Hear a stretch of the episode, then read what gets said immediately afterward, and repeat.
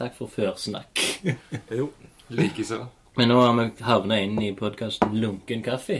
Og med meg i dag har jeg eh, Sander eh, Lillehagen. Ja, nesten Lille Eide Haga. Ah, men har noen kalt deg for Lillehagen som et kallenavn noen gang? Jeg vet ikke om de har sagt det som et kallenavn, eller bare rett og slett fordi de har misforstått navnet mitt, og jeg ofte ikke er så nøye på rette folk. Jeg har blitt kalt Lillehagen før nå. Ja? Du er ikke først. Nei, ok, det var jo greit, egentlig. Eller litt trist. egentlig. Trodde du du var innovativ nå? Nei, jeg gjetta jo bare. Og jeg, jeg vet at jeg har til og med skrevet det ned en plass. Og henger vel her en plass en plakat her med navnet ditt. Ok. Altså egentlig så innenfor lokken. Ah, ja, ja, ja. Lille Eide Hage. Helt nederst. Etter mitt navn. Jeg følte meg litt beæra av den plasseringen på den plakaten. der. Ja, for nå snakker vi om eh, eh, Urom-utstillingen som jeg og Guro stelte i stand i mars 2017. Der du er helt nederst på plakaten av hva er det, 30 kunstnere eller noe sånt. Jeg tror egentlig grunnen til at du er litt, var nederst, er ah, Han bryr seg ikke. Men mange av de andre bryr seg hvor de er plassert, tenkte vi. Vi har ikke hatt så mange utstillinger før, så ja. Men allikevel, når den, når den endelig blir lagt Vi ser egentlig ofte mest den nederste eller den øverste. Ja. Så du vant den. Nei da, det var, det var fint. Ja, men det, det er det jeg tenker med sånn plassering sånn som det. Og spesielt siden du og Guro da kommer rett før meg. Så, sånn, sånn, så når jeg så det, så virka det nesten som om jeg på en måte hadde et overordna ansvar forbi dere. Ja, det er faktisk helt sykt. Benjamin han lagde plakaten som er over Guro igjen. Ja. Det er du som liksom stelte i stand hele greiene. Kan de fleste tro. ja, litt sånn ser det ut. Kaffe.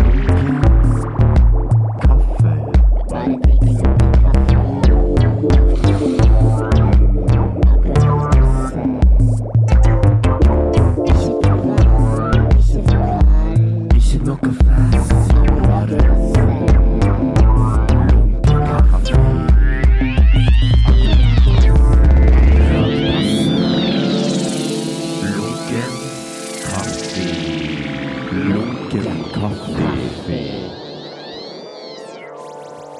Lille Eide Haga. Eller har du noen gang bare tenkt Haga? Um, jeg har tenkt det.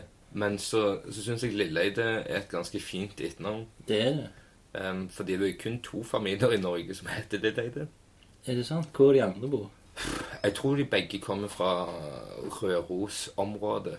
Bare at den andre familien er sånn litt mer nordvest fra Røros. Ok. Røros, ikke Rørost. Røyrost. Ser du hvor mye bra sjørost fra Røros? Det er ikke noe ost i navnet. Men Mens Haga- Haga er jo, det er jo mer enn seks plasser i Norge som heter Haga. Ja. Og Haga Reiser. Mm. Det er jo et franchise i seg sjøl. sant, sant. Men som òg kan være greit for på en måte å gli inn i massene. Mm. Sander Haga er litt sånn John Doe. Ja. Lilleide blir litt vanskelig å si sånn. Sander. Lille Leide. Nei. Det var jo et enormt problem jeg hadde som barn å si det navnet der, fordi eh, jeg hadde et veldig kort Det heter kort tungebånd, men i teorien så er det egentlig langt tungebånd. Og Jaha. tungebåndet mitt strakk seg helt ut her, Å, shit. på tuppen av tungen min. av tunge, ja. Akkurat sånn som kong Harald for øvrig. Han òg er sånn. Gratulerer. Takk. Um, Så det lesper litt mer, da? Eh, nei, da snakka jeg gitt sånn som dette her. Jeg kunne jeg kunne, jeg kunne ikke si ei. Eioi. Ei. Så R og L bare sklei helt ut fra mitt vokabulær. Det er jo skamsøtt. Folk må jo elske deg som barn. Ja Jeg ble jo mye mobba da. Av eh, Eller ikke mye, for jeg var relativt stor for alderen min da jeg var liten. Stor bygg. Kraftig beinbygning, som de sier. Så jeg eh, slo mange folk som eh, lo av meg for eh, uttalelsen min av ting. Men var det sånn at de ropte. Eller, Nei, det var mer, mer litt sånn Du klarer jo ikke å snakke. Ja, okay. Og så var det sånn Jo, jeg snakker jo helt normalt. Nei, du klarer ikke å si normalt engang. Ok, ja. Sånn, hva fader er du vei? Så Bank jeg jo kom jeg inn i det. Ja. Men det var jo litt problemer med å hete et navn med faktisk fire l-er i seg pluss en r. ja. Så Men hva skjedde med tunga, da? Måtte du fikse den? jeg, jeg gikk til logo, logoped Ja. i mange Iallfall i to år. To-tre år. Ja. Der jeg eh, fikk prøve meg på de mest uspiselige ordene jeg overhodet kunne tenke meg. Hva det var? Rabarbra? Nei, eh, ja, det og den òg var en bitch. Men eh, raserbil, Oi, det var et jævlig ord. ok. Men det aller verste ordet jeg visste om, sliter faktisk enda litt med å si det, selv om jeg nå har kutta tungemålet mitt òg, Ja vel. var larve. Ok. Det var bare Lærere. Jeg har ett ord jeg ikke klarer å si faktisk ennå. Og det er ingrediens, ingredienser. Ingredienser. in, Indigrien, indigren, ingredienser. ingrediens. Og det er ett par til jeg ikke klarer å. Vanskelig å huske alle bokstavene i hvert ord. kanskje. Jeg tror det er det problemet mitt. Det er litt sånn psykisk uh, dysleksi. Indrig... Indrig... Nei. Ingredienser. Ingre... Lunken kaffe. Jeg tror vi har blitt lunkne i eh, kaffe... Ja, men er fortsatt relativt Den er varmere enn min. Ja, kjenn, kjenn på denne her. Hæ? Har du vært og forsynt deg med en kopp to? Nei, men uh, når det kommer til kaffe, så er jeg sånn varme hender. Jeg kan holde kaffen min varm i timevis. Ja, men du har jo ikke holdt på den så mye, har du det? Jeg trenger ikke holde mye på den. Nei, jeg føler jeg meg lurt. Nei, vel, da kan vi ikke skåle, iallfall. Sander, har du noen kallenavn? Jeg har hatt noen kallenavn, da. Spesielt når jeg, når jeg var ute og reiste. ja. Og fikk, ja, når det ble et annet spor òg. ja. Mm. Da ble jeg plutselig kallende um, Sanduk. Det likte jeg godt. det var det favoritt allerede. Det kom igjen av det der eh, Av at jeg ikke helt er så komfortabel med å rette på folk Ja. med navnet mitt. Ja. Så det var, det var en gruppe med folk som reiste med en god stund. da. Ja. Så det var sånn Vi hilste sånn ja, Adam, ja, Sander. Ja. Og jeg var ganske bestemt hele tiden på å ikke føye meg inn til liksom si navnet mitt på en sånn engelsk måte. Sånn, ja, Ja. Sander. Ja, ja, ja. For jeg har aldri følt meg som en Sander. Nei, nei, nei. Så Men hvis de hadde sagt Sander, så hadde ikke du reagert. nei, da hadde det vært sånn Negativt. Yes, you speak English, sir. Yeah. I get you. Ja. Mm. Hadde jeg kanskje kalt de liksom istedenfor å si Adam for Adam. Ja, det går ikke. Eller? Eh, Jo, jeg føler meg litt sånn Hvis noen kan kalle Jo, meg for. Sander, så kan jo jeg kalle dem for Adam. Selv om de er engelske. Hvis, de, hvis noen sier uh, mitt navn er My name is Michael, og så sier du Hei, Mikael, kom her. Eller Mikael. Kun hvis de kaller meg Sander. Ja, ok. Som hevn. ja. Og kanskje òg eh, kun etter jeg har blitt godt nok kjent med dem til at de kanskje hadde forstått at det var de jeg snakket til. Ja, ja, det er sant. Sandok. Ja, Sanduk. Men det kom fra en misforståelse, da. For jeg hadde vært med denne gruppen med folk i sånn Ja, kanskje godt over en måned Ja. før de plutselig så hvordan jeg skrev navnet mitt. Um, Ah. Og så var de sånn What? I thought your name was Sanduk. Hvorfor er den U-en så rar? Det høres ut som sånn eh, duck. Sand the duck. Men de var canadere. Ja. Og så Ah, og så var det sånn, også liksom Ja, canadere blanda inn med to tyskere. Så det ble på en måte canadernes måte å tolke Sander på. Som var liksom Sander. Og så sammen med noen tyske aksenter det liksom sånn Sand, Sandok? Sanduk? Og så grodde den misforståelsen der. um, til at liksom etter en måned gått der jeg på en eller annen måte de så navnet mitt visuelt, så var de litt sånn Why have you not said that your name Ja, is er. Sander? Ja. Så jeg sånn Because, you know, my name is not Sander. It's Sander. It's just how I speak my name. ja. Og det er jo et navn som liksom Akkurat den tingen der fikk meg jo til å tenke på at sånn min morfar, som er fra Røros, Ja. han sier jo Sander, Ja, ja. sant? med sånn rr Mm. og ø. Mens min mor sier jo sånn Sander! Ja, ja. ja. Det er jo to forskjellige navn. Det høres jo ut som to forskjellige navn. Jeg tror kanskje jeg sier Sander med A mer. Sander. Sander.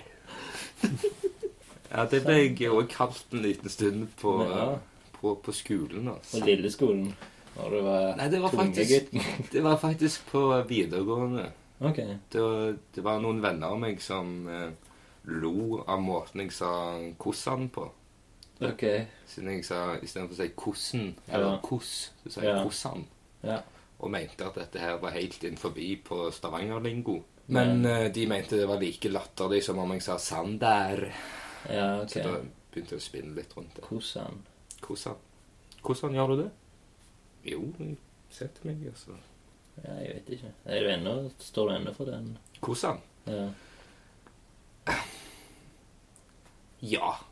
Jeg reagerer ikke hvis noen sier kossan. Hører du folk si det, eller hører du deg sjøl? Jeg har hørt eh, en sånn eh, Jeg kan ikke navngi tidspunkt. Men eh, det har skjedd innenfor en toårsramme nå. Det er Mm. iallfall ett menneske har sagt 'koss han' til meg. Ok. Og det er en ja, en Stavanger Ja, en Stavanger-kar. Ja. Der jeg ble litt sånn Point taken. point taken. Så det er ikke bare meg. Selv om jeg kanskje sjøl har gått vekk fra å si 'kossan' Ja. til å si 'kos' eller 'kossen'. Hvis de skulle se for meg det som jeg trodde var de narkomane når jeg var eh, kanskje ungdomsskoleelev, da var det skinnjakke med nagler. Og så, og så sånn brylkrem med hårstrek. og masse kviser. Ok. Og, men jeg tror egentlig det var bare de som Det var et par som røykte, som hadde den looken. Og da kanskje jeg Du antok at de som røyker og med narko Den korte veien til narkotika. Sigaretten. Skinnjakke og nei, naglebelte til gateway-trøyk. Ikke altså sånn eh, Dr. Martin Boots. Det her er jo bare åt, det er sånn som det jeg gikk på ungdomsskolen i 80-tallet. Eller 70-tallet, jeg vet ikke. 50-tallet. Ja, 50-tallet er det for faen. De som er stuck i 50-tallet, de, de trodde jeg var narkomane. Men hvis du ser tilbake til deg sjøl på den tiden, da Ja. Eller hvis du går enda lenger tilbake, sånn Kanskje det bildet du hadde på typ sånn barneskolen, når du gjerne begynte å tenke på folk og fe. Ja. Um, har du tenkt over liksom Hvis du hadde sett deg sjøl Mm. som en fjerdeklassing, Ja, hilst på deg sjøl nå ja som, som 34-åring. Ja. Hadde den fjerdeklassingen da syntes at du var et eller annet skummelt bilde som du var redd for på den tiden? Ja, det tror jeg. Siden jeg er sånn ubarbert, skjeggete, har langt hår og går litt rart. jeg husker litt. For når jeg liksom gikk på barneskolen, bare sånn når jeg gikk vokste opp, så var det veldig, unormal, eh, veldig unormalt med skjegg. Og bare sånn Jeg tror tredagers eh, eller tredagersskjegget, den kom ganske sånn 2000 rundt, jeg. Husker ikke, jeg, jeg syns bare det å ha skjegg var skummelt, liksom. Hvis folk hadde litt skjegg. Da var de truende. Ja, og det, jeg tror det hadde noe med at liksom, det her er Kjeltringer ble ofte portrettert på film eller tegnefilm med litt skjegg og sånn. Sånn B-gjengen, de har Ja. alltid sånn prikker. de har sånn tredagers. Konstant i tre dager. Kanskje ikke kan få seg. Nei. Ja, jeg tror jeg hadde vært litt redd for meg sjøl, ja. Men tror du du hadde vært skuffa over deg sjøl? Måtte jeg vite hva jeg gjorde og sånn. Ja, du hadde nok hatt en liten snakk med deg sjøl. Jeg hadde sikkert vært kjempeglad. Jeg tegnet tegneserier og sånn. Det hadde jeg vært kjempefornøyd med. Men uh, jeg hadde nok vært litt skuffa hvis jeg så at jeg sto meg sjøl sto og røykte og drakk. Du hadde ikke vist det og, deg sjøl. og, og jeg hadde merket at denne 34-åringen versjonen av meg sjøl måtte faktisk ta et par øl før han kunne snakke med tiåringen. Han var så nervøs. Redd for å møte deg sjøl. Har ikke du òg vært der? da? Hadde du vært sånn veldig kul på det og sånn Ja vel. Jeg har tenkt litt fram og tilbake på det. sånn Ja. eh, Litt opp og ned og sånn. Og um, det er jo veldig mye av de verdiene som jeg hadde da jeg var yngre. Ti. Vi sier ti. Ti, ja. ja hvis vi sier ti, og jeg hadde møtt meg sjøl, så jeg tror det er ganske mye jeg hadde stussa over. Ja. Eksempel det med kunst, i hvert fall. Ja. har jeg tenkt over flere ganger. Sånn, ja, da så, så jeg på veldig mye kunst som sånn hokus pokus-tull. sånn, jeg husker et øyeblikk jeg var sånn 12-13. Uh, snakket med en kamerat av meg da han var på skolen, ja. der han hadde satt opp masse bås oppå hverandre. Og så sa han ja, men det kan jo være kunst. og så sto jeg og lo og latterliggjorde det argumentet. Um, og liksom sånn Ja, og det bare viser hvor idiotisk det der kan være. Ja. Ehm, og det er sånn et punkt som jeg sånn kom til meg sjøl med noen ganger. Sånn som var nede på Imir, ja. og eh, jeg holdt på med den prosessen der. NMP. Mm. Ja, da var det mange prosesser som gikk inni meg og var sånn Nå har jeg blitt til det, det, det, det tullefjaset, ja. idiotien, som jeg sjøl forarga som liten.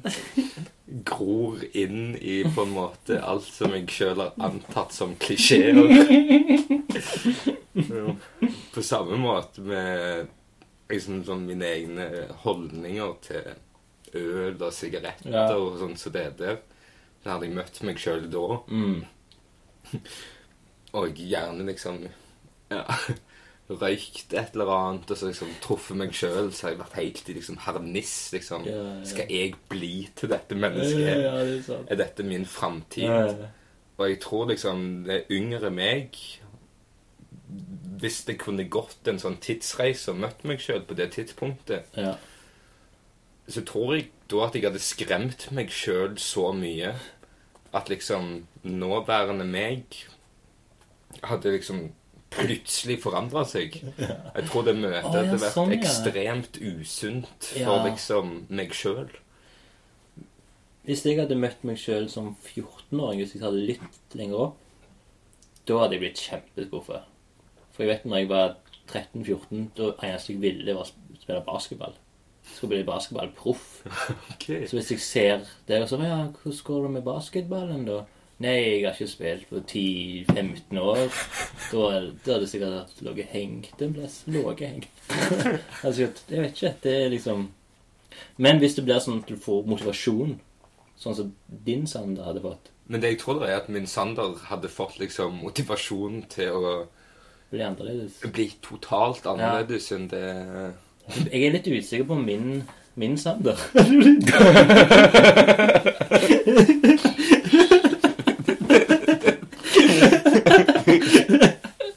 min, eh, min Espen hadde nok blitt litt sånn Kanskje, men kanskje han hadde liksom tenkt sånn Ja, ja, men kanskje Nei, han hadde ikke tenkt sånn. Ja. Kanskje hans valg er bedre. Kanskje basketball er drit. Nei, han hadde nok eh, prøvd å bli bedre i basketball. ja. Han hadde nok det. Jeg håper vi skal gå inn på det første inn, faste innslaget. Lunkent bekjentskap. lunkent bekjentskap. Hei sann! Hvem er du? En ny venn! Vær hilset, min nye venn. Hvordan kjenner vi to hverandre? Så trivelig med nye bekjentskaper. Gøy.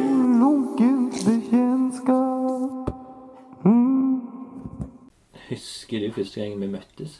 Ja, det gjør jeg. Ja. Har du god hukommelse sånn generelt? Den kommer og går litt. Ja. Men eh, det husker jeg. Ja. For det var på båten på vei til Langøy. Det trodde jeg òg.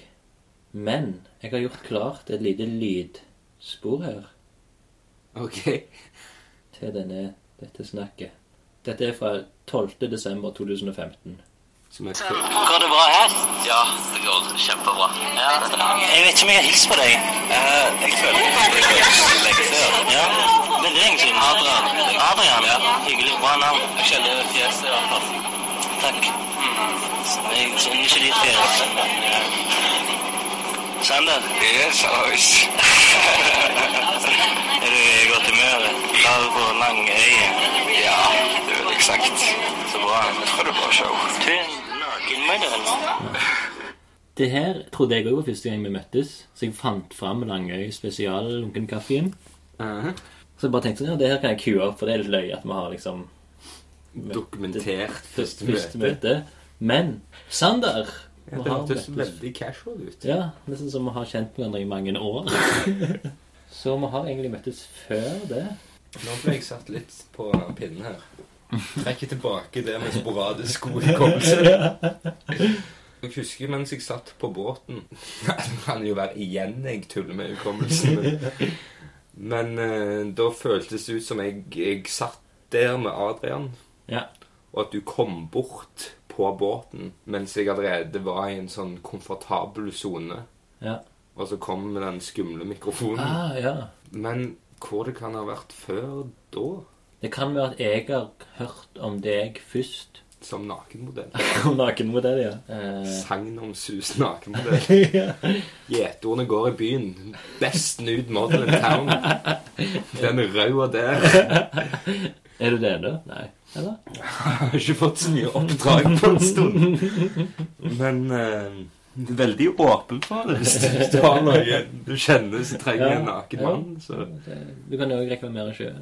Jo, altså Til, til lytteren av Lunken kaffe. Hvis du trenger en um, nakenmodell, ring meg.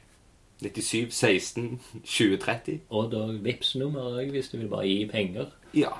Hvis du vil eh, materialistisk støtte meg, så sett noen nakenbilder av meg og føler at dette fortjener penger, så kan du òg sende ja, helt valgfritt beløp til 97 16 2030. Du er jo egentlig ganske ofte naken. Ja, jeg trives godt naken. Ja. Hver gang du skal ha performance, eller ryktet går, så Sander, ja, da er det vel nakenhet, tenker jeg. Det er jo en sånn rykte du har fått. Hvor mange nakne performances har du gjort, tror du? To. To, ja. ja. Akkurat to. Ja. Men eh, det var jo òg gjerne de to første for, eh, eh, for offentlig lys, da. ja. Så forhenger det kanskje litt sammen. Men kanskje òg fordi at jeg på en generell basis trives bedre naken enn i klær. Ok. Det kan jeg stå inne for. Så du er jo en aktiv nakenbader, jeg. Ja, aktiv nakenbader. Jeg kan nesten gå så langt til å si at jeg eh, på et personlig nivå er imot å bade med klær. Oi. Ikke for andre. For andre skal Mm, selvfølgelig få lov til å bade i klær. Det er ikke sånn at jeg det føler ubehag hvis noen Det går ikke i tog. eh, Nei, nei. Få av buksene på badedrakten! um, men jeg, jeg kjenner meg mer komfortabel i vannet naken. Ja.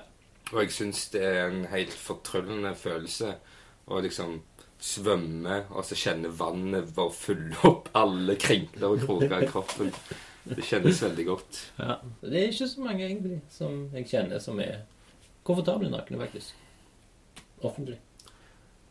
Nei, offentlig så kjenner jeg ikke så veldig mange sjøl heller. Nei? Men eh, ikke engang så kjenner jeg så mange som er komfortable nakne liksom i lukka gruppe heller. Men for meg så betyr det på en måte noe å være naken òg. Det er litt sånn jeg ser på det i hvert fall, at vi har en norm, og vi har et miljø her vi bor. Liksom, det er unormalt å være naken. Det er rart å være naken. Til og med hvis du går rundt i ditt eget hus med vinduene oppe, og du får plutselig øyekontakt med noen på gaten, og ser at du står naken, så blir det plutselig en sånn ubekvem situasjon. Sånn 'Å nei, det skulle jeg ikke ha sett'. Eller 'Å nei, hvorfor er litt står denne fyren Ja. med vinduene på vidt gap og er naken?' Du kan jo få bot for det. Ikke å være i huset. Nei, ikke i huset, mener jeg. Det er jo Bare som med din nakenhet. Ja, man kan det, men jeg har også funnet en gråsone i norsk lov. Ok. Um, at uh, det å være naken i det offentlige rom, det blir fort sett på som uanstendig. Mm. Det er på en måte et leap fra at liksom I lovverket vårt så står det et eller annet om at det, det kan oppfattes som uanstendig å være naken. Mm. I tillegg til at det er ulovlig å oppføre seg uanstendig i det offentlige rom. Ja, sånn, ja. Mm. Men der igjen, jeg ser på det som en gråsone. Ja. Um, spesielt hvis du kan snakke om det i en kunstsammenheng. Ja. Fordi at det da er gjerne noe du vil poengtere, og at du ikke da skal være naken for liksom det ekshibisjonistiske i seg sjøl. Mm. At du skal ha en glede av å vise deg fram naken. Blotting. Blotting, rett og slett. Men at du skal få fram et poeng med den mangelen av klær. da. På et moteperspektiv så kan man jo si at uansett hva du har på deg, så har du en eller annen form for statement. Ja. Sant? Du har folk som sier sånn Jeg forholder meg ikke til mote. Jeg går kun i det jeg finner. Mm. Men så er jo det òg en form for liksom, et uttrykk. At du selektivt prøver å liksom, dytte deg sjøl vekk fra stiler. Så får du jo en eller annen type form yeah, for stil. stil. En eller annen sånn eklektisk uh, kleskode som man går i. Og det er det punktet av at man aldri kan liksom forsvinne vekk fra andres persepsjon av deg. Mm. Bare av at det, det er kaldt her vi bor, og man har klær på seg hele tiden. Jeg liker ikke så godt hele liksom, det motepoenget, da. At man skal kle seg opp for å liksom vise status, vise hvem man er. Mm. Liksom gå i en eller annen spesiell form for stil. Samtidig som jeg liksom jeg, jeg setter pris på at folk kler seg på en måte som jeg syns er kul. Ja. Det der forsterker personligheten til det mennesket. Godt å se at liksom han føler seg komfortabel. Ja. Og det merker jeg med meg sjøl òg når jeg har på meg en viss type klær eller en annen type klær. At Mm. Jeg føler meg mer komfortabel hvis jeg er fornøyd med de klærne jeg har Ja, på, kontra noe annet. Og det er der jeg syns det er utrolig befriende å være naken. At jeg på en måte kan gi slipp på hele det systemet der. Da er jeg på en måte fri fra det. Det- Selv om det òg er jo et uttrykk sånn. Går du ikke i klær, Det, er jo, det blir jo en personlighet der òg. Iallfall siden det ikke er sånn som vi sier Vi kjenner ikke så mange som liker å være nakne. ja. Det har jo blitt en del av den personlighet, faktisk, som kanskje var vårt første møte. Hvis Si at vi ikke har møtt hverandre, jeg har bare hørt om deg, så har jo det forsterka deg på grunn av at jeg har hørt at du er nakenmodell. Og det er liksom Det er veldig sjeldent. Det kjenner ingen andre. Vegard òg var vel det. Da, da var liksom Og Sander nakenmodell. Det var liksom Det var det jeg kunne si til deg, da. Ja, Du er en flink naken. ja. Nå er du nakne Sander, liksom. En liten periode, da. Nå har du sikkert blitt eh, et nytt, ny Sander. Nysander. Blond-Sander. Blomsander. Nei, men jeg Men den beslutningen, da. Nå har du eh, eh, blonda Hva heter det? Eh, bleika bleika håret. Det var en todelt beslutning mellom min frisør, Ok. Uri. Uri, ja. Ja. Godeste Uri. Som forresten, liten shout-out til Uri, ja. har fått seg personinnlagte T-skjorter nå. Med Electro-Nice-logoen.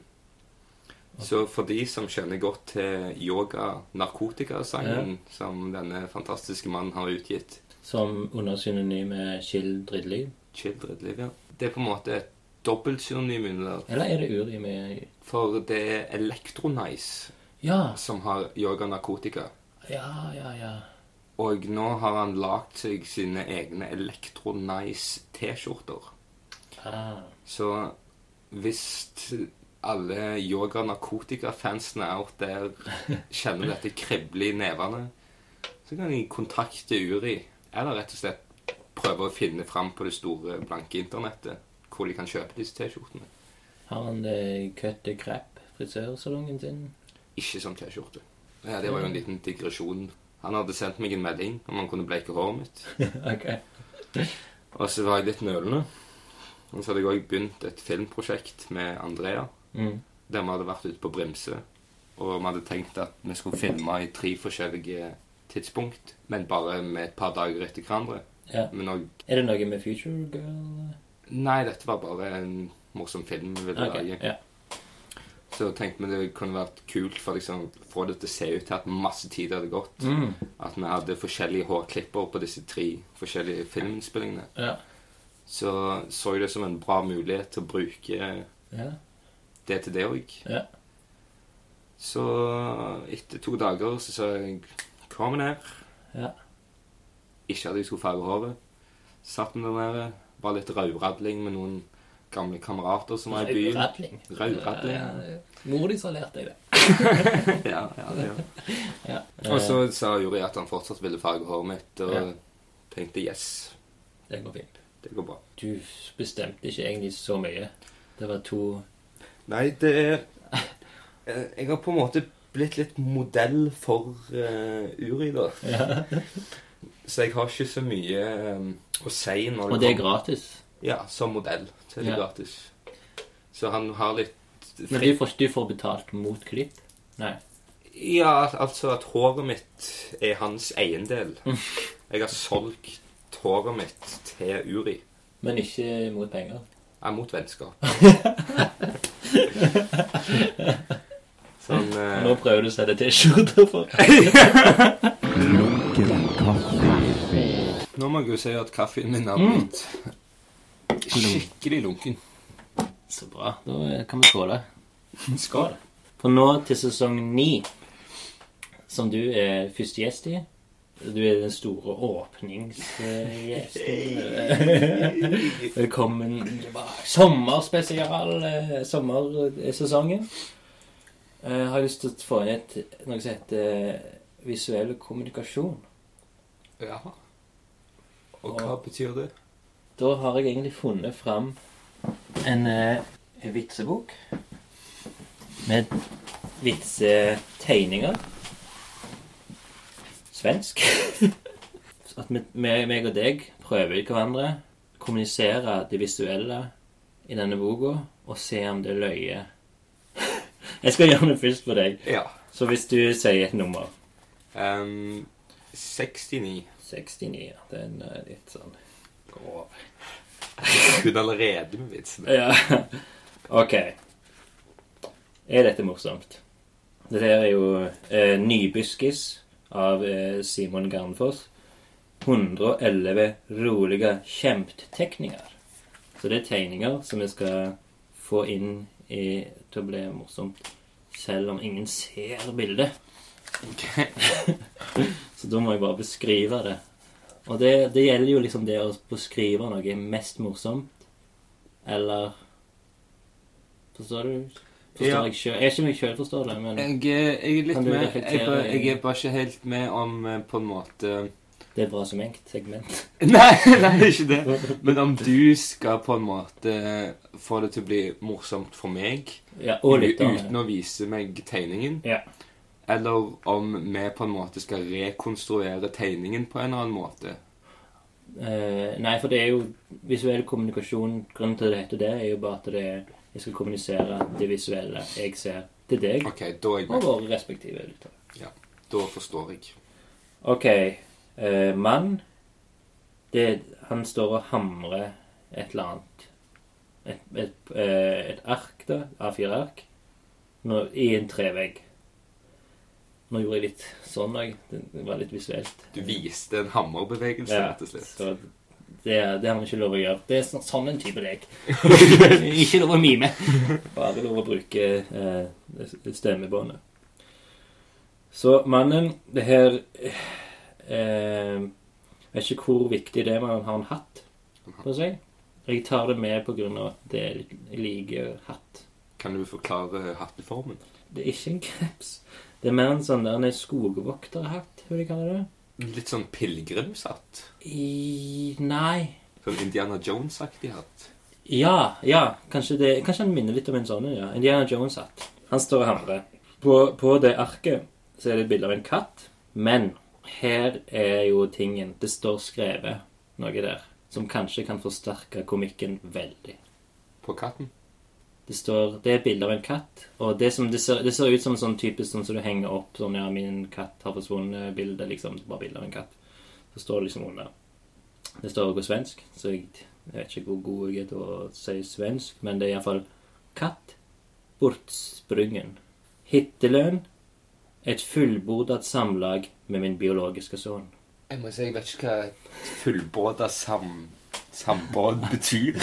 Ok, fullbordet samlag betyr eh, eh, sex.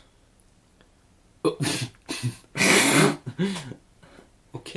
Så for å forklare vitsen nok Hvis noen finner den katten, så får de eh, får lov å ha sex, full, fullbordet sex, med han som hamrer eh, sin biologiske sønn. Det er liksom premien.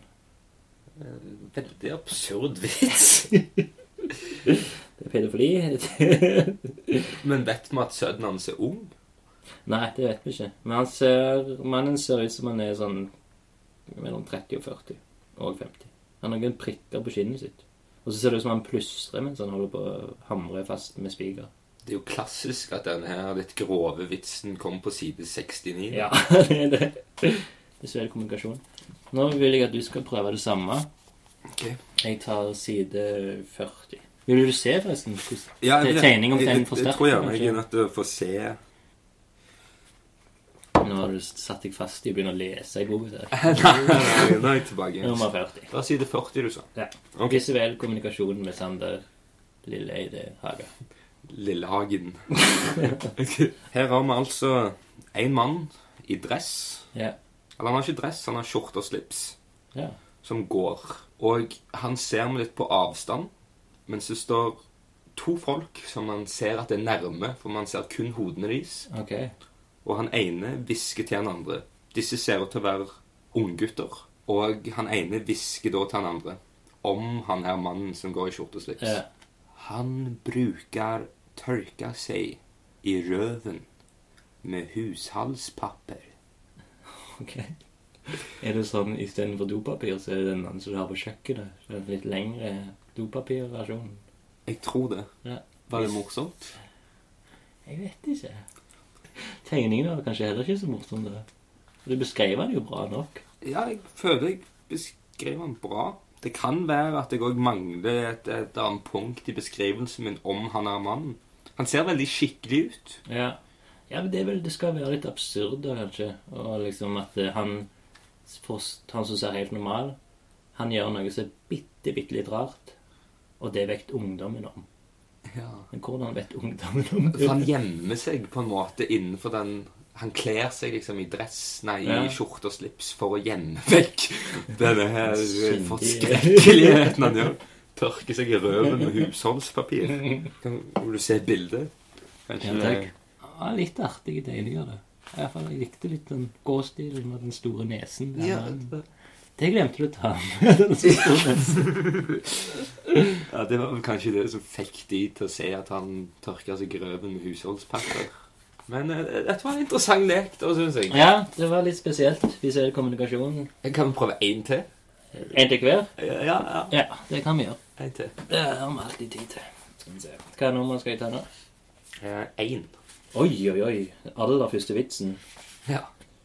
Det fins ikke Det begynner på tre, OK, tre, da. og da er det bare selve logo. Ok, Jeg tar fire.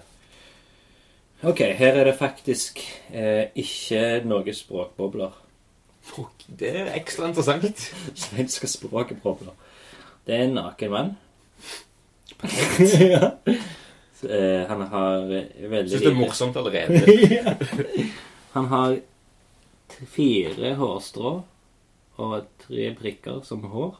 Han veier veldig med armene, og så sit, står, sitter han. At han står, men allikevel litt bøyd, som i sånn sittepose. Som om han skal ha en jetpack på ryggen. Ja, veldig. Og han har en veldig glad munn. Sånn brølende glad munn. Ut øynene renner det tårer. Ut øra renner det noe guff, guffe, som sikkert er ørevoks. Ut nesen så renner det noe som kan minne om snott. Ut munnen så er det en liten dråpe vann. Som en sikkel. Ut armehullet er det to dråper, som kan være svette. Ut tissen så er det noe som minner mest om sæd, men kan også være tiss. Uh, ut rumpen er det en bæsj som er på vei ut. Ganske forholdsvis ganske stor. Og det drypper òg en liten eh, eh, dråpe fra bæsjen òg. Han har òg trødd på en spiker der det kommer én stor dråpe blod ut av foten. Ok. Jeg hørte deg småle et par ganger. Ja, altså uh... Er du veldig nysgjerrig på hvordan det ser ut? da? Ja, men, men, men jeg må jo si at Dette her syns jeg høres morsomt ut. Den traff den traff humorhjertet mitt. Den gikk rett på spikeren. OK, big reveal. OK! Nei, dette her er jo Er det annerledes enn du eh, visualiserte kommunikasjonen min? Ja, jeg, jeg så ikke for meg at han skulle være liksom så trolsk tenkt. Ah, der ser du. Vi glemmer eh, storleken på nese og sånne ting. Dette er et snodig bilde. En, for det, det jeg nevnte, var hårlengden. Det var liksom det eneste som var at han var naken. Eller mengden av hår, mente du. Ja. Men du glemte én prikk. Han har fire prikker og fire hårstrå. Nå er det din tur. Nummer ni, sier jeg. Ok. Det er masse som skjer på dette bildet. Ja. kan jeg begynne med å si. før vi begynner helt, er det ord? Ja. Ok. Det er både ord Kan du sjøl lese det, se det inni deg, tenke og kjenne om det er morsomt for deg sjøl? Er dette noe du syns er morsomt? Bare det visuelle, og kanskje til og med ord? ja. Et lite smil, ja. Ja. Det Smirk. a little bit smirk. For å si det sånn, Hvis dette hadde vært en reell setting, Mm. så hadde det vært veldig morsomt. Ja. Og samtidig litt um, Trist. Ja, trist. Litt vondt å være vitne til. Ah, okay. Ja. Men jeg skal prøve å forklare det for deg. Mm. Det er tre mennesker Ja. um, i- på et tivoli. Ok. Du ser Hvordan vet du det? Ja. For det er et Paris-hjul litt sånn i bakgrunnen. Du kan se liksom noe som ser ut som berg-og-dal-bane i bakgrunnen. Et sånn tivolitelt som stikker opp. Hei, hei. Og eh, de tre menneskene er meget forskjellige. Ja. Og i den settingen de står i òg, så står det du ser tivoli i bakgrunnen. Ja. Og så står de med en sånn der en, en vegg som har et sånn der en apparatus, et sånn typisk sånn tivolilek som du skal slå med en klubbe og se hvor langt Ja, opp den ja, tingen går. den, ja, for ja, å ringe i bjellen kanskje hvis du er kjempesterk. Mm. Og disse tre mennesker som, menneskene som står, det er, det er en dame som står og eh, husjer på en annen mann. Ja. Fordi hun står med en barnevogn med Oi. en baby oppi. Og han mannen her, som hun står og husjer på, står med en sånn snodig sånn tivoliaktig hatt. Sånn flosshatt med streker på. Ok. Og en sånn eh, bursdagstrompet. Og han står kun i shorts. Han har ikke på seg noe på overkroppen ok. utenom den hatten og Ja, en shorts. det var morsomt. Og tredjemannen står da med den sleggen her som skal slå ned på den tingen. Ja. Men det er et lite plott som liksom også utspiller seg mellom disse her to mennene. For damen og mannen står mot hverandre, og hun husjer på han. Ja. Men du kan òg se at testiklene til denne mannen i den hatten, de henger Ai, ai, ai. ut fra shortsen hans og legger seg akkurat oppå der han med sleggen skal slå. Ja, ja, ja. Det er det triste. Det, det er litt sånn uff. Ja. Det hadde ikke vært så morsomt å se på det i virkeligheten. Nei. Men det, det er morsomt som en tegneserie. Jeg Ja, ja. kan ikke se for meg at en testikkel kan bli så lang. Og da er jo det morsomme her, da. Skal jeg òg lese teksten?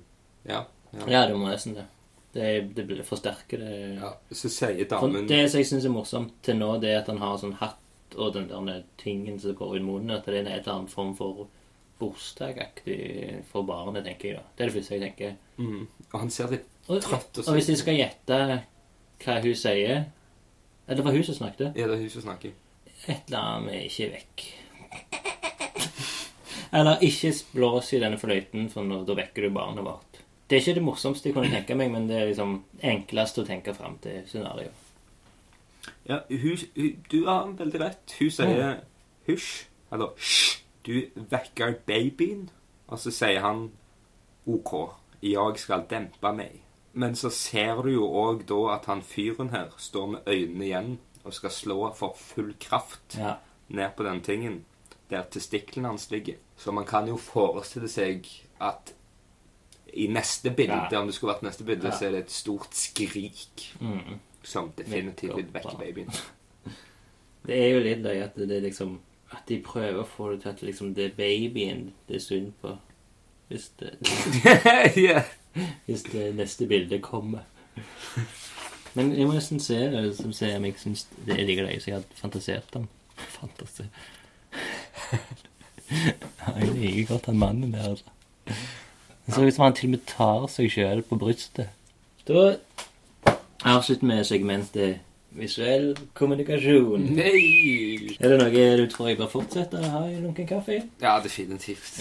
Det, det syns jeg var spennende.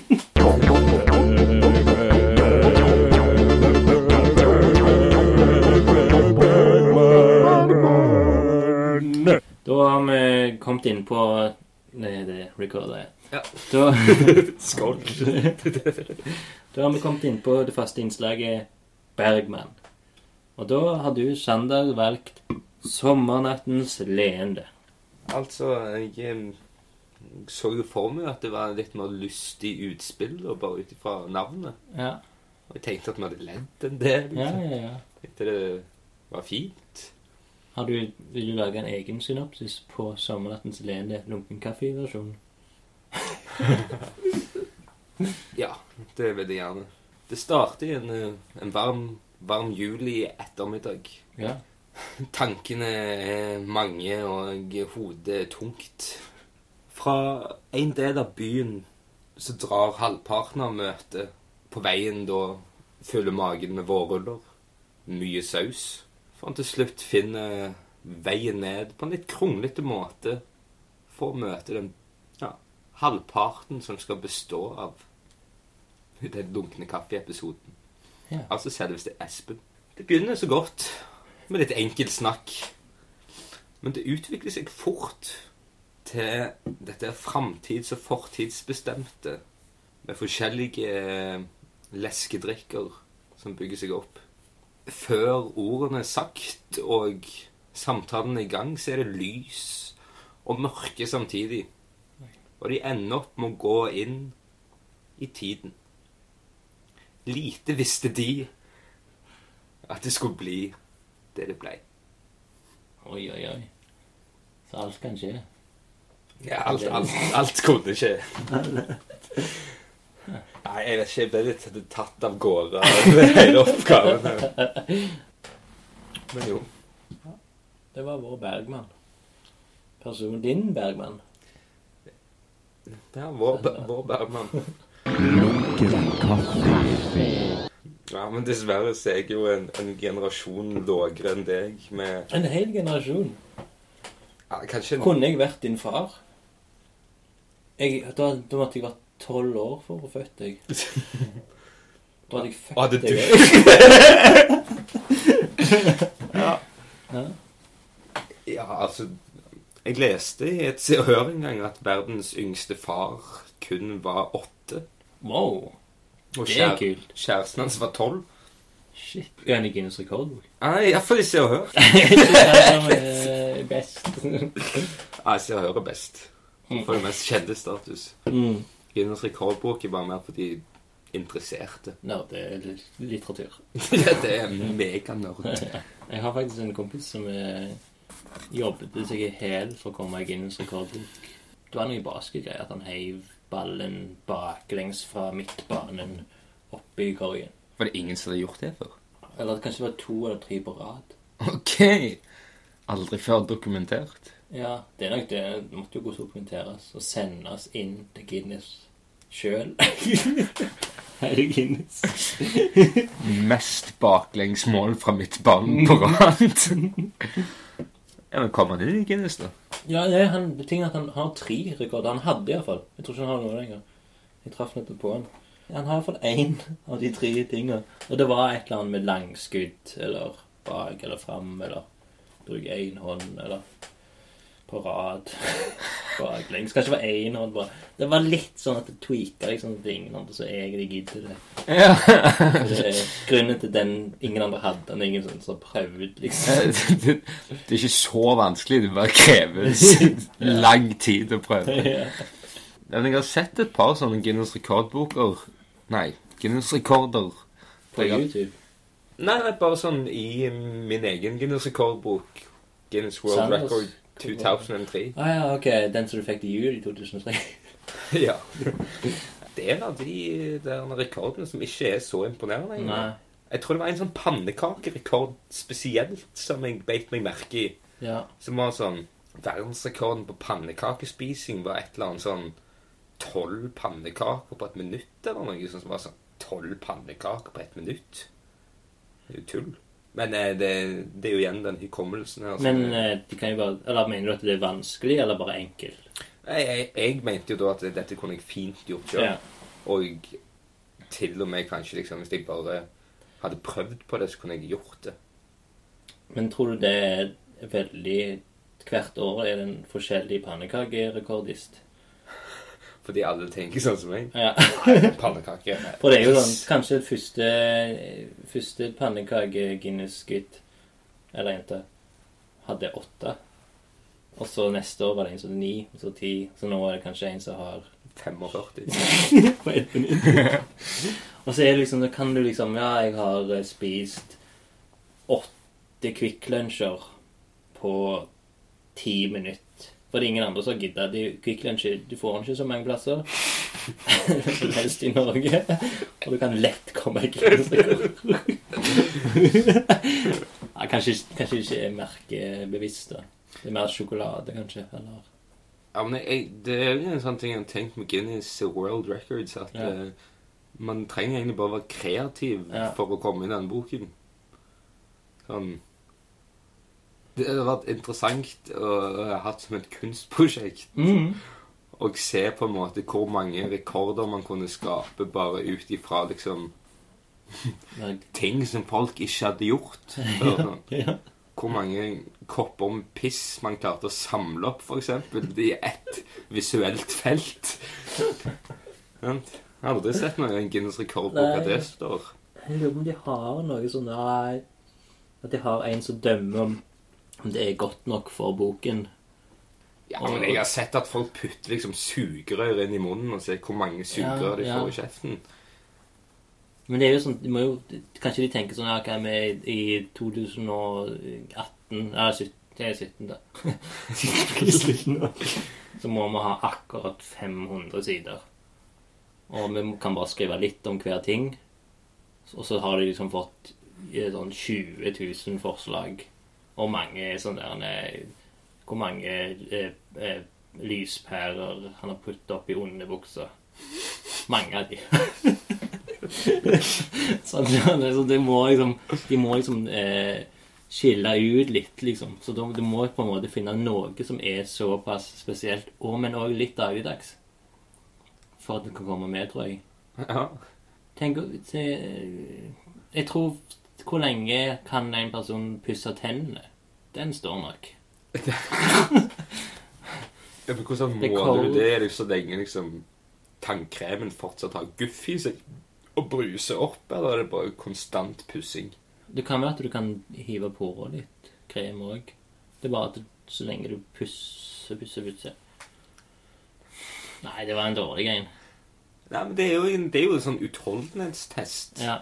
Sånn, ja, ok, det er en fyr i Kina som nå har pusset tennene i seks dager i strekk. Han har 3 tannkjøtt igjen, og to av tennene hans har falt ut i prosessen. Da er det sånn wow. Ja, da, da bør han få lov. Hvis det har gått utover hans eh, Fysiske- fysiske, fysiske helse. Ja. Psykiske helse. Fysisk og psykisk. Hvis de faktisk har blitt påført noe traumatisk eller sånn syke eller fysisk skader, da bør de få lov å komme inn. Ja. Da har de gjort så mye for den her det idiotiske boka. liksom får lov- Iallfall en sånn æresmention, liksom. Not in the book, but you have to mention this one Chinese guy. Who died in the Denne boken her er til ære for uh, Shang Haine, som døde i prosessen av å pusse tennene. Kom til syvende dag. Det er råtnelsesprosessen av alle fluoren i tennene hans. Drepte han.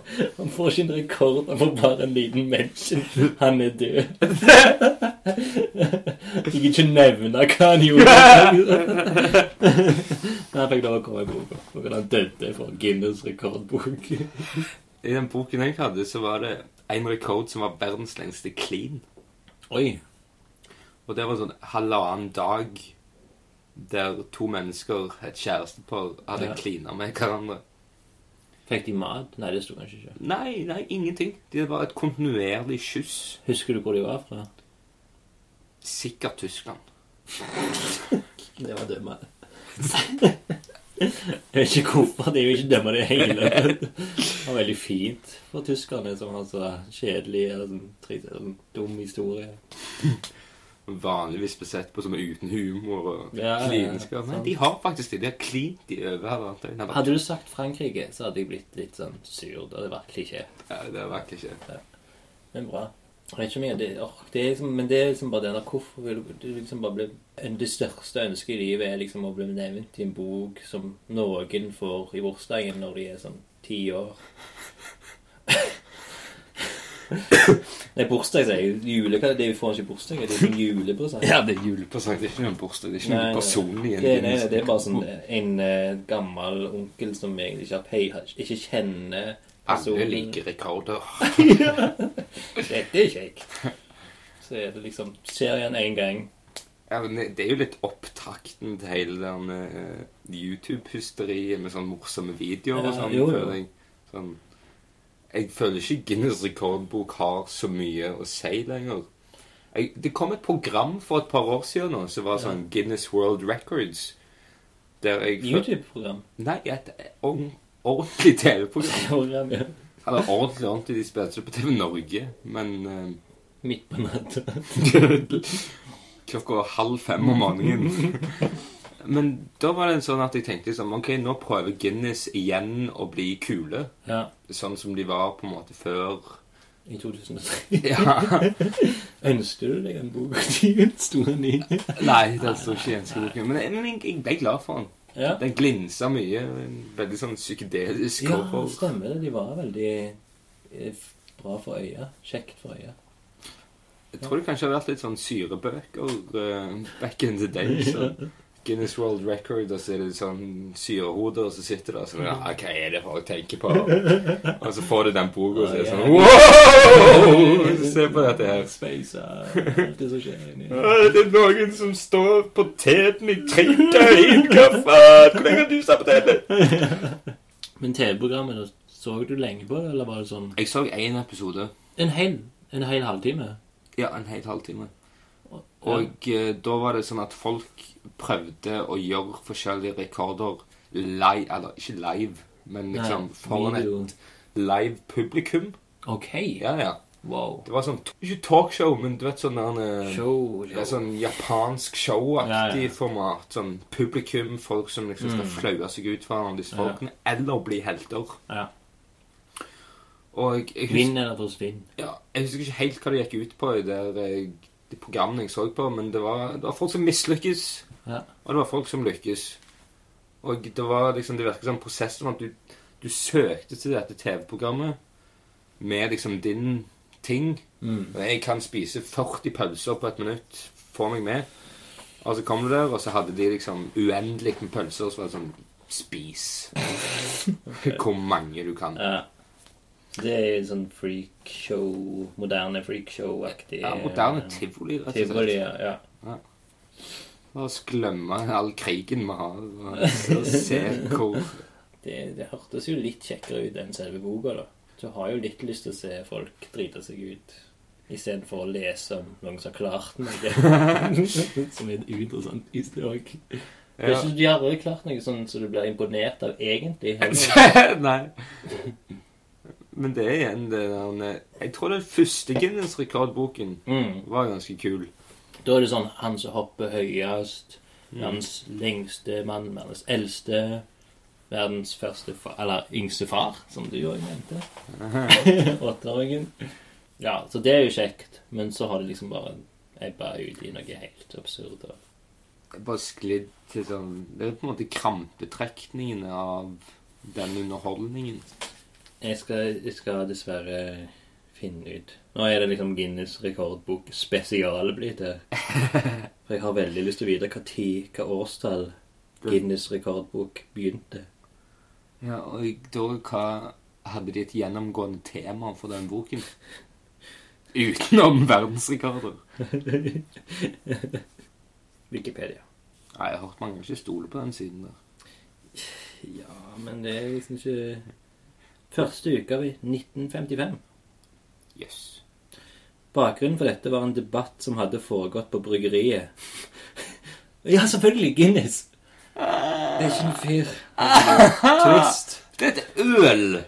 Selvfølgelig. Selvfølgelig det er folk som sitter og drikker og koser seg. Det sånn. irske bryggeriet Guinness. Selvfølgelig. De hadde foregått på bryggeriet om hvilken råfugl som var den raskeste.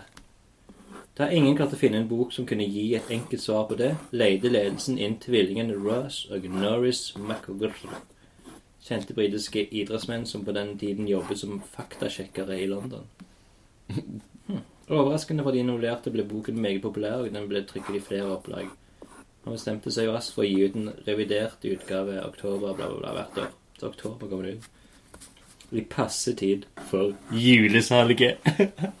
Så det er, jule, Det er julen de prøver å vinne. Råfugler, det er det som ble liksom det viktige første Guinness-rekordbok-tingen. Hva er den raskeste råd? Ørnen eller hauken? Ja, det er ørnen! Nei, hauken har en fantastisk hurtighet. Har du sett når den snevrer inn vingene? Den stuper minst dobbelt så raskt som havørnen. Ja, men kongeørnen, da? Ja, men kult. Hvem skulle trodd at det var naturfenomener og øl som skulle lage en hel kultur av absurd Ja, av, av, av Ja. ja det, det er litt forståelig at det er noe med øl å gjøre, men Ja. Men jeg hadde aldri trodd at rovfuglens integritet skulle lede til hvor mange sugerør man kan putte i munnen. For det, Hva tid har rovfuglen havna i en samtaleemne i ditt liv, liksom? Det har, det har hendt at folk har begynt å snakke om ørner, Ja. men mer i en sånn der eh, antidiskusjonsform. Sånn Wow, der så jeg en navn. ja. Mer enn sånn Ja, hva er din favorittrovfugl? Det er ja, det samme. Her så jeg Jeg så en ørn her en dag. Jeg ble nesten angrepet av en ørn. Men Ja, er det noen som har sagt det til deg? mm. Det er for å imponere. Ja, jeg er ganske sikker på at han aldri ble angrepet av den ørnen. Nesten. Nå sier jeg nesten angrepet. Det er jo Det- det- det- angrepet. Det, det lukter sånn Han skal være, ja, han skal liksom være spesiell, da. Det, han ønsker at eh, jeg skal si wow. Nekter å bli imponert. Nei, men jeg var vel da hyggelig, eller høflig, da. Kult. Lunken kaffe. Ok, vi må, vi må spole tilbake igjen, og gå tilbake igjen på det faste innslaget Lunkent bekjentskap. Tenningsmelodi igjen.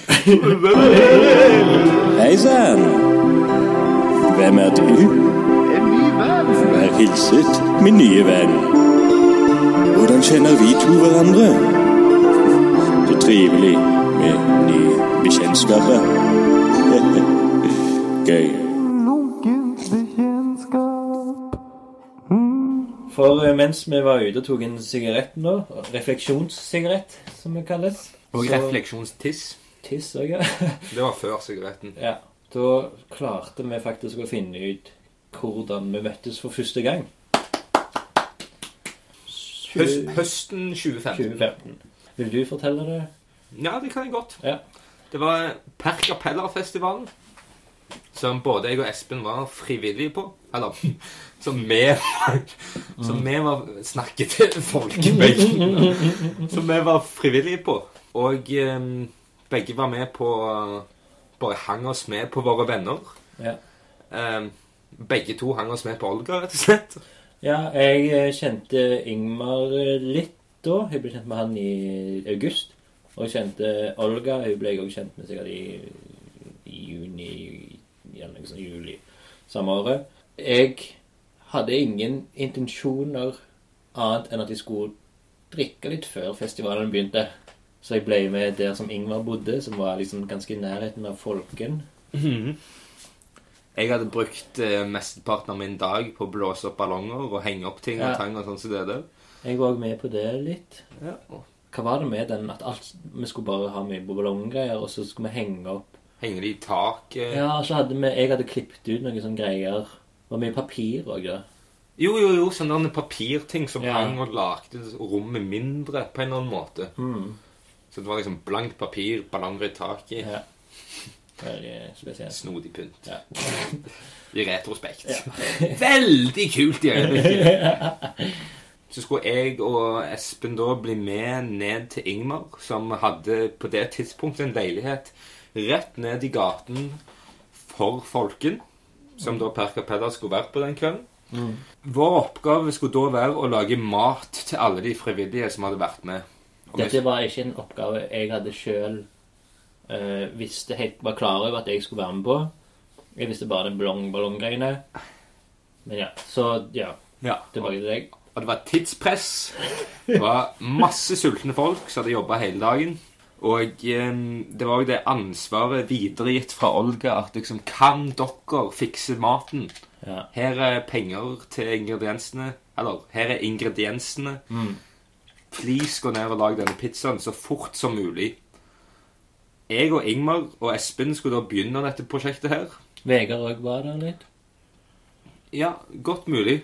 Jeg tror kanskje til og med du kom liksom litt etter meg og Ingmar. Ja. Jeg og Ingmar og Olga hadde gått ned i forveien, begynt dette her. Olga var såpass stressa at hun var sånn Jeg nødt til å gå og gjøre resten av oppgavene mine. Please kom med disse pizzaene pronto. Ja. ASAP, som de sier i militæret. Ikke at jeg har vært der. Eh, men eh, vi står og holder på å lage pizza så kjapt vi klarer.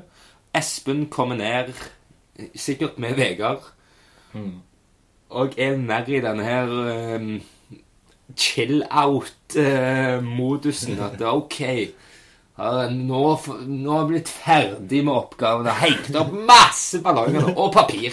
Masse papir og ballonger. Nå kan jeg være i en leilighet, chille litt. Jeg- jeg- Forspill. Forspill, rett og slett. For meg. Ja, det, det, det, var, det var ditt forspill. Ja. Vårt stress. I, i, I mitt øyne da, så var det en veldig stressende situasjon.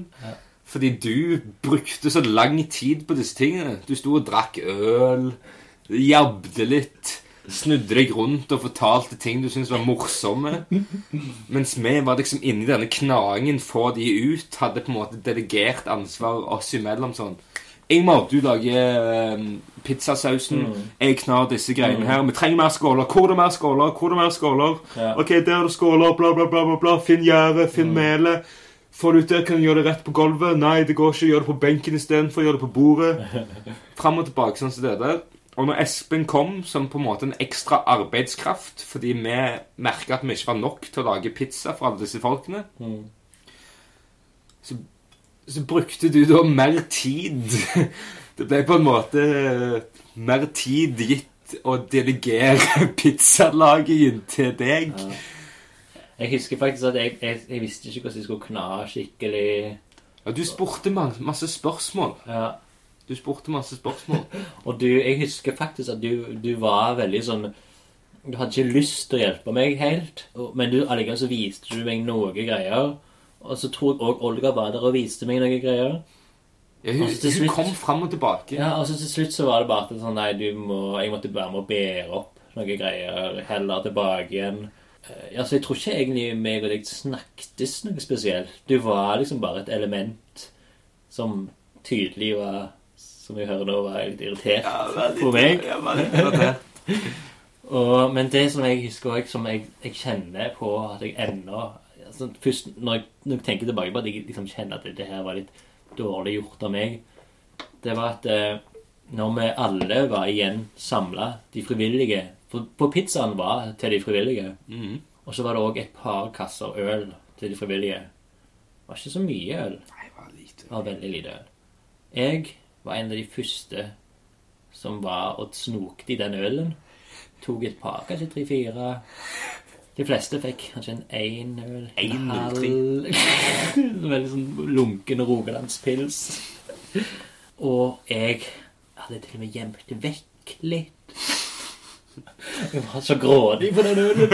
Og jeg er ganske sikker på at du fikk Hvis du fikk noe i det hele tatt, så fikk du kanskje én. Ja, jeg tror jeg fikk én øl. Ja. Og du hadde sikkert jobbet mye hardere enn meg. Jeg merker at det er ganske mange jeg har liksom møtt for første gang gjennom Per Capella, som jeg syns er fine folk nå i dag. To år seinere. Ja. Men jeg er faktisk Jeg fikk ingen inntrykk av deg da. Ingen som helst inntrykk. Jeg fikk kanskje navnet ditt, og liksom ja, Jeg var litt sånn Hvem er han her? Dette er irritasjonen min. Ja, jeg, jeg merket jo faktisk Skal jeg gjøre det nå? Jeg merket jo at du var ikke den som gitt noe spesielt bra feedback på det jeg sa, liksom. Men siden den gang har du alltid vært en hyggelig, fin fyr. Alltid vært en glad, leende, glad fyr. Det er derfor det jeg liksom glemt altså, i mitt minne om deg, egentlig. Ja, men det er det jeg tror jeg òg har gjort. For liksom i retrospekt, nå når jeg ser tilbake på dette her, Ja. så er det på en måte ikke deg, Espen, jeg har i det blikket. Nei. Det er en annen sånn irriterende Espen Mm. som eh, jeg hadde et sånt bilde av, der jeg var på en måte sånn Å, fy søren! Sånn Denne karen her provoserer meg mens jeg står og lager pizza. Forstår ikke han at vi har dårlig tid? Forstår ikke han at vi faktisk skal spise mat? Eh, og det er på en måte en helt annen Espen. Sånn Og når vi begynte å snakke om dette her, og sånn Når, jeg, når vi begynte å luke opp i dette hullet i hukommelsen vår.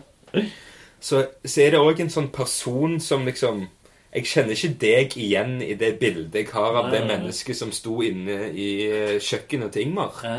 Du er liksom en helt annen sjel. Liksom. Ingenting morsomt. Men nå, jeg syns jo du er kjempemorsom. Men da syns jeg du var alt annet enn morsom, Mm. for jeg ble rett og slett provosert av komikken du prøvde å komme med. Ja, men det, jeg kan kjenne meg igjen i deg der. Ser meg sjøl som den tullingen jeg var. Selv om du gjerne ville ikke sagt du var en tulling. I den Nei. situasjonen her. Jeg ville sagt du, du Du brukte omgivelsene dine til din fordel. Som jeg i etterkant kan respektere, og som hvis jeg hadde kjent deg på forhånd, Ja. kanskje hadde satt pris på. ja, ja. Jeg tror Ingmar syntes det var ingen problem. Nei, jeg tror Ingmar storkoste seg i litt selskap her. Men på et personlig plan så var det ganske provoserende første møte. Men eh, fra den tid til liksom eh, tid var det du tenkte sånn Du er jo sjøl blitt mer og mer kunstner nå. Jo. Husker du hva tid liksom, det gapet skjedde, liksom? Er det noe som heter gape? Eh, mellomrom? Ja. Ja, det Ja, er, det er sånn overgangen da, Ja, fra liksom Ok, nå vil jeg prøve meg på dette. Um, Jeg vet vi er langt ute i samtalen. jo, jo, men det var vel kanskje mer det at jeg Sånn som med Olga og Andrea og Guro, som jeg begynte å bli mer og mer kjent med, mm. ehm, og mer og mer glad i Ja. Eller, jeg hadde jo kjent Olga fra før av. Mm. Hun, hun sto stabil i sin Mm. uh, snodige tilstand. Og um, Jeg er i klasse med jeg gikk i klasse med Olga. Ja. Fikk hun faktisk til å begynne på scenerskolen. Oi. Dro hun inn i det varme selskap. Og liksom se hvordan de forholdt seg til dette her, og hva som var kunst, og hvordan kunst var. Mm. Og òg tok meg med til å se på forskjellige utstillinger. Ja. Og måten de forholdt seg til hverandre på utover bare sånn der Ja, hei, kompis, bla, bla, bla. La oss Mm. snakke om kjekke ting vi har gjort. Ja. Men at de faktisk snakka litt om ting som jeg syntes var spennende. Ja. Og stilte spørsmål som jeg syntes var kule å stille. Og at jeg fikk en interesse i hva de holdt på med Mm. og hvordan de forholdt seg til ting. Og, og da når Velab eh, begynte å komme til Vegards laboratorium. Vegards laboratorium, begynte Ja. å få liv, at de ble mye med der, og bare utformingen av sånne enkle ting. Sånn, ok, nå skal vi lage en bar. Ja. Hva er en bar? Mm. Og stille sånne banale spørsmål som det der. Var du, var du, var du bare mann? Jeg, jeg, jeg fikk ikke så mye tid i baren, for jeg var litt uh, korrupt når det kom til det punktet. Ja, ok. Så Jeg var ofte med og bygde barene. Mm. Og det ble ofte sånn små kunstprosjekter i seg sjøl, der vi snakket om estetikken og liksom, Hva er en bar? Er dette et konsept? Er det kult? Er det dårlig? Sånn som det. Eh, Og sånn som det. eh, Som var med og liksom bidro til pynt og sånn som det. Mm. Og at Olga og Olga ville ha meg Eller spurte om jeg ville bli med på sånn pyntete per capella og sånne ting. Mm. steder, sånn små dekor-type ting. Ja. Og òg at disse vennene som jeg eh, ja, ble kjent med, Mm. at de hadde en sånn et blikk på kreativitet som en eller annen form for gud. Ikke, okay. ikke gud i den forstand, men Noe høy- høyere Ja. makt.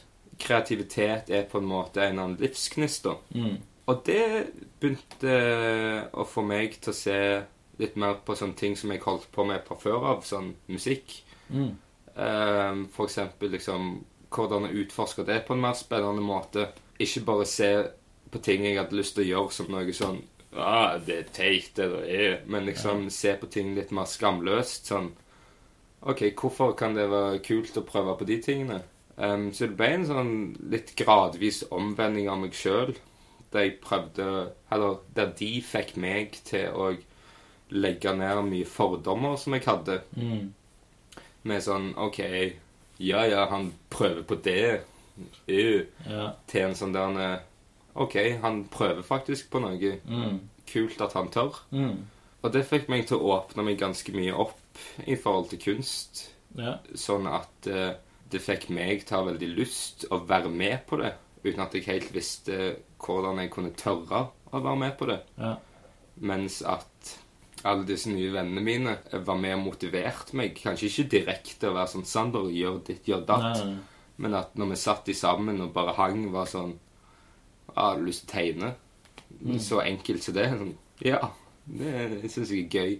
Ja. Istedenfor at gjerne tidligere, når han spurte meg om jeg hadde lyst til å tegne, at det var sånn Jeg vet ikke helt hvordan jeg tegner. For selvfølgelig så kan jo alle tegne. Ja. Og at de kunne sitte og se på liksom en, et eller annet jeg tegna som var sånn Aha! Kul tegning. Mm. Det var kult. Som liksom var sånn Ja, OK. Det er vel ikke gjerne så mye å si hvordan det ser ut, men at det, det kreative som liksom bruser opp, og at jeg merker at rundt disse menneskene så hadde jeg lyst til å gjøre mer ting som jeg kjentes, kjentes på som godt, uten at jeg følte meg dømt for det. At jeg tegnte en eller annen rar tegning av Mm. noe som kanskje så litt teit ut i mine øyne, men som de kanskje var sånn Oi, det der var en kul tegning. Løgne farger du hadde brukt der. Det var stilig å se på. Vet du hva jeg husker? Eh, jeg husker når det var sånn sofa sounds på messen nå. Ja, ja, det har jeg tenkt deg inn. Når du hadde litt halvlangt hår. Da kom du bort til bordet mitt og tegnte en egen tegning som jeg syntes var veldig kul, og la ut faktisk på min eh, Facebook eh, Birk-side. Okay. Så det var kanskje det første jeg så av deg kunstnerisk. 18. juni 2016. Ja, Mm. ok, ja, kult. Ja, for da hadde jeg på en måte vært inni denne gruppen av folk Mm. som eh, på en, på en måte hadde pressa meg til å tegne ekstremt mye. Eller ikke ekstremt mye, men mye mer enn det jeg ville gjort på egen hånd. Ja, ja. Som en sånn sosial aktivitet. Mm. Og det var ja, veldig positivt for meg sjøl. Sånn Og på en måte bare kjenne litt på deres følelser mot kreativitet. Og bare det å gjøre et eller annet istedenfor å sitte og daffe rundt hverandre. Ja. Men at sånn OK, nå er vi sammen. La oss i det minste liksom holde på med noe som vi ikke bare sitter og daffer oss til. Men uh, vi gjør et eller annet som er positivt for oss sjøl. Ja. Spennende å tenke tilbake igjen på det nå. ja. For det var jo også sånn som på utstillingen som eh, de hadde oppe i huset sitt. Med Guro, Ja. Olga, Gustav Superstar Collective Sex, Drugs and Friends. Yes, Sex, Drugs and Friends. Ja. Som var i desember 2016. Ja, noe sånt som det. Ja. Um, der de spurte om jeg ville bli med på en, på en performance Mm. ut ifra det at liksom det føltes ut som en sykt kul setting. Sånn i forhold til ting som jeg har vært interessert av fra før av. Sånn jeg var Mye interessert i jazz tidligere. Ok. Um, og spesielt de kulturene som skaptes når det begynte å liksom gro i Norge. Alt det viktige som skjedde innenfor jazz, skjedde via huskonserter. Ok, Og de undergrunnsmiljøene Ah. som dannes rundt jazzen. så kult. Og på en måte gå tilbake igjen til det, til liksom det personlige og det, liksom det kreative uttrykket. Mm. At det skulle være noe som du hadde lyst til å gjøre for skapelsens skyld, for liksom dine egne interesser. Bare var jeg så ut, utrolig stoka på og glad for at Guro og Andrea og Andrea og Gustav ville stelle i stand, da. Ja. At eh, Kan jeg være med? Kan Ja, jeg ja, òg ja. gjøre noe? Sånn, ja, ja, ja. Vil du spille noe, eller vil du ha en Mm. bla, bla, bla? Og med en gang det skjedde, så var det liksom sånn Ja, en performance, det er det jeg vil gjøre. Og Ja. fikk en idé om hvordan det skulle passe inn, og ja. begynte å kjenne på liksom det der sånn Å, jeg skal gjøre noe. Jeg, det, det ble faktisk noe av det mest minneverdige for de fleste. Mye på grunn av at du var naken. Hei!